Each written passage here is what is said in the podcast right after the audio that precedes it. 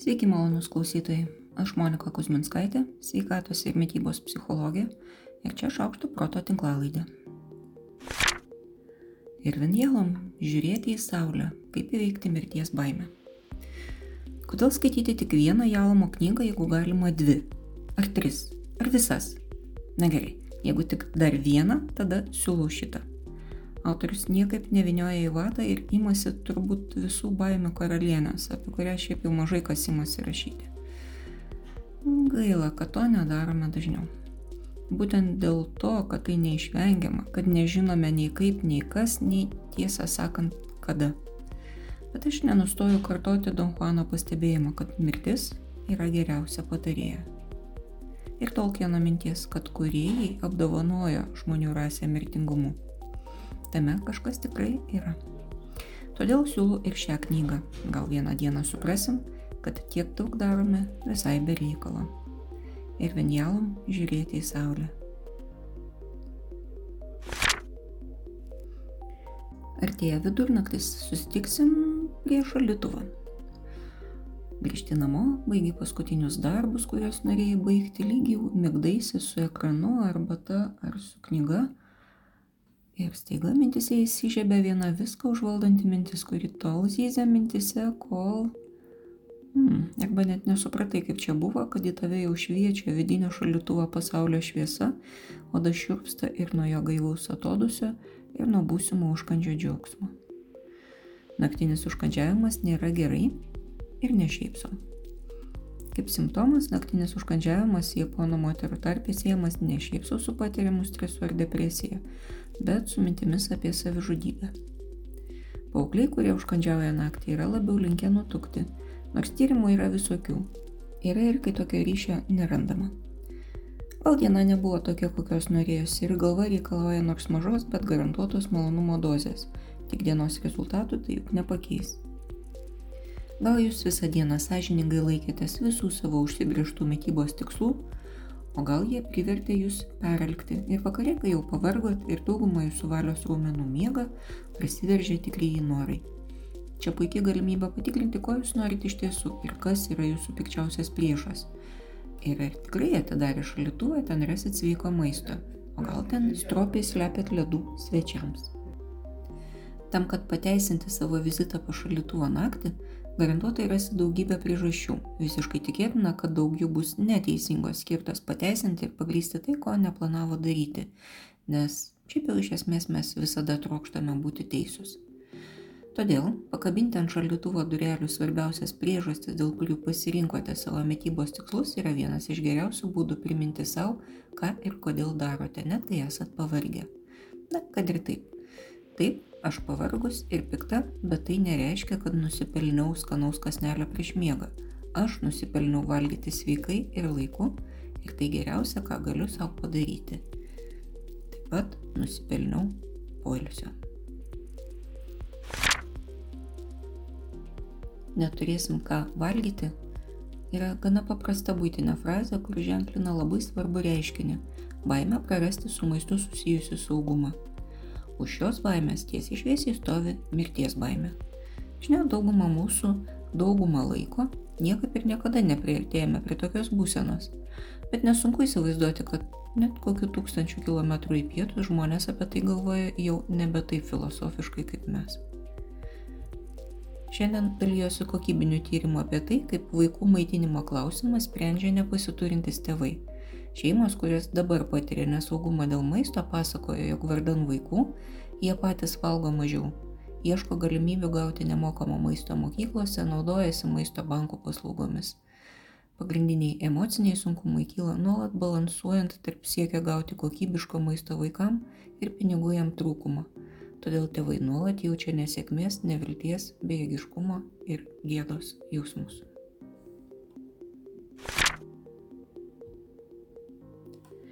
Vegetarai ir veganai beveik vienodi ar skirtingi. Ir vegetarai, ir veganai labai panašus, kai kalba apie savo motyvus nebevalgyti mėsos. Dažniausiai visi mini gyvūnų teisės. Tačiau veganus labiau motivuoja sveikatos, aplinkosaugos ir ypatingai gyvūnų teisų kriterijai, kalbant apie pieno ir kiaušinių produktus.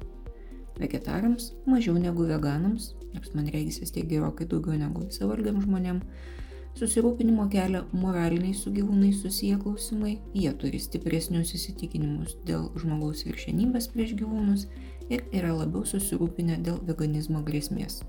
Kas tai bebūtų. Čia turbūt reiktų spėti, jog tai gali būti e, maisto kokybės klausimai. Na, nežinau, ar jūs pastebėjote tokį skirtumą, gan dažnai, man atrodo, vegetarai ir veganai sujungiami į vieną grupę, būtent dėl to, kad tarpusavėje yra pakankamai panašus ir pakankamai skiriasi nuo visų kitų žmonių. Bet galbūt jūs matot kitaip.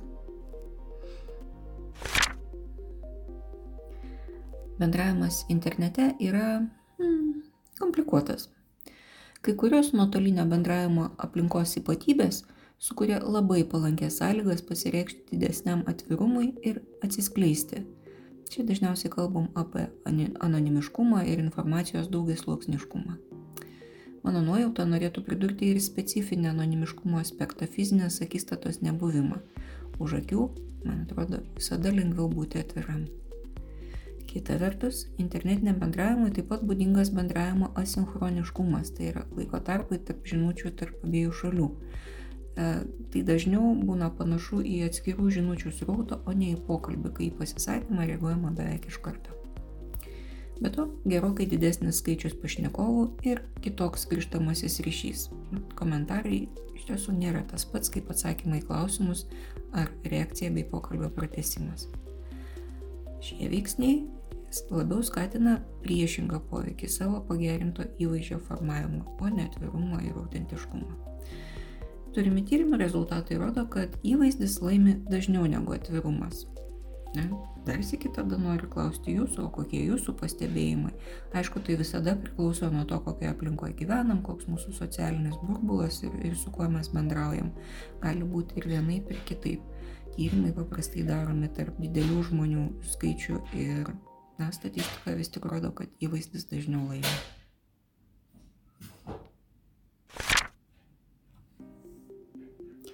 Ši maža, bet taikli mintis visada išlenda. Kartais kaip senai žinomo sportinio ženklo šūkis, o kartais kaip ypač malonaus balso tembro demonas Liucius animacinėme seriale. Daryk, tiesiog daryk. Do it. Gebėjimas peržengti, kad ir mažiausią, o dažnai ir netokį mažą nenorą kažką daryti, yra neregėtai vertinga savybė. Kad ji būtų stipri, ją kaip ir visas kitas be jokios abejonės reikia ugdyti. Tai ne talentas, ne charakteris, nepalankios aplinkybės. Tai tikras ir paprastas psichologinis, na, ar dvasinis, jeigu taip gražiau skamba, stuburas. Tai atsparumas smulkiem nepatogumam, kuris padeda atidaryti gerokai daugiau langų ir durų, ypač gaiviem vėjam jūsų gyvenime. O tos gaivos vardan atsisakome visai mažų ir tiesą sakant nereikšmingų patogumų. Tokių kaip nedaryti nieko, Pasėdėti dar 3 valandas su telefonu rankoje, nes vadinam tai poilsiu. Vakarą vienatvėje pravalgyti ar pragerti, nes, nu, kabutėse, neturim nuotaiko susitikti su išsilgtais ar naujais įdomiais žmonėmis. Nesakyti ne ir managiai linksėti vakarėlėje, nors iš tiesų labiausiai už viską norim užsikloti su visa galva savo lovoje. Jei jums tai rezonuoja pažįstamais tonais, savaitgaliui siūlau pagalvojimą praktiką būtent apie tai braižom lentelę. Pirmas stulpelis - kandidatai į tiesiog daryk. Antras - tai bus nuostabu, nes. Arba visų gaivių vėjų, visų džiaugsmų, malonumų ir prasmių aprašymai. Trečias stulpelis - pirmas žingsnis. Arba ką darysiu ir kada. Konkrečiai. Atminkit, kad pirmas žingsnis turi būti mažas ir beveik garantuotai sėkmingas. Na ir daugiau nieko nedarykim, tik susirašykim ir leiskim tam sąrašui pasimarinuoti mintise, pasąmonėje, pasivaliuoti tarp kitų norų. Jeigu nematėt, pažiūrėkit Disenchantment. Čia būtent tas animacinis serialas, kuriame galite išgirsti savo ausimis liucių. O tada išbandykit šitą naują. Imkite ir tiesiog darykit tai, ką užsirašėt. Šiai savaitai tiek. Aš Monika Kuzminskaitė, sveikatos ir mytybos psichologė, padedu spręsti kasdienius ir sudėtingus elgesio, mąstymo ir emocijų klausimus. Rašau, skaitau paskaitas, teikiu psichologinės konsultacijas.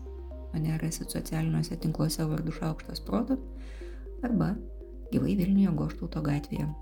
Rašykit man asmeninį žinutę socialiniuose tinkluose arba elektroniniu paštu adresu šaukštas.proto atgmail.com. Taikos ir ramybės.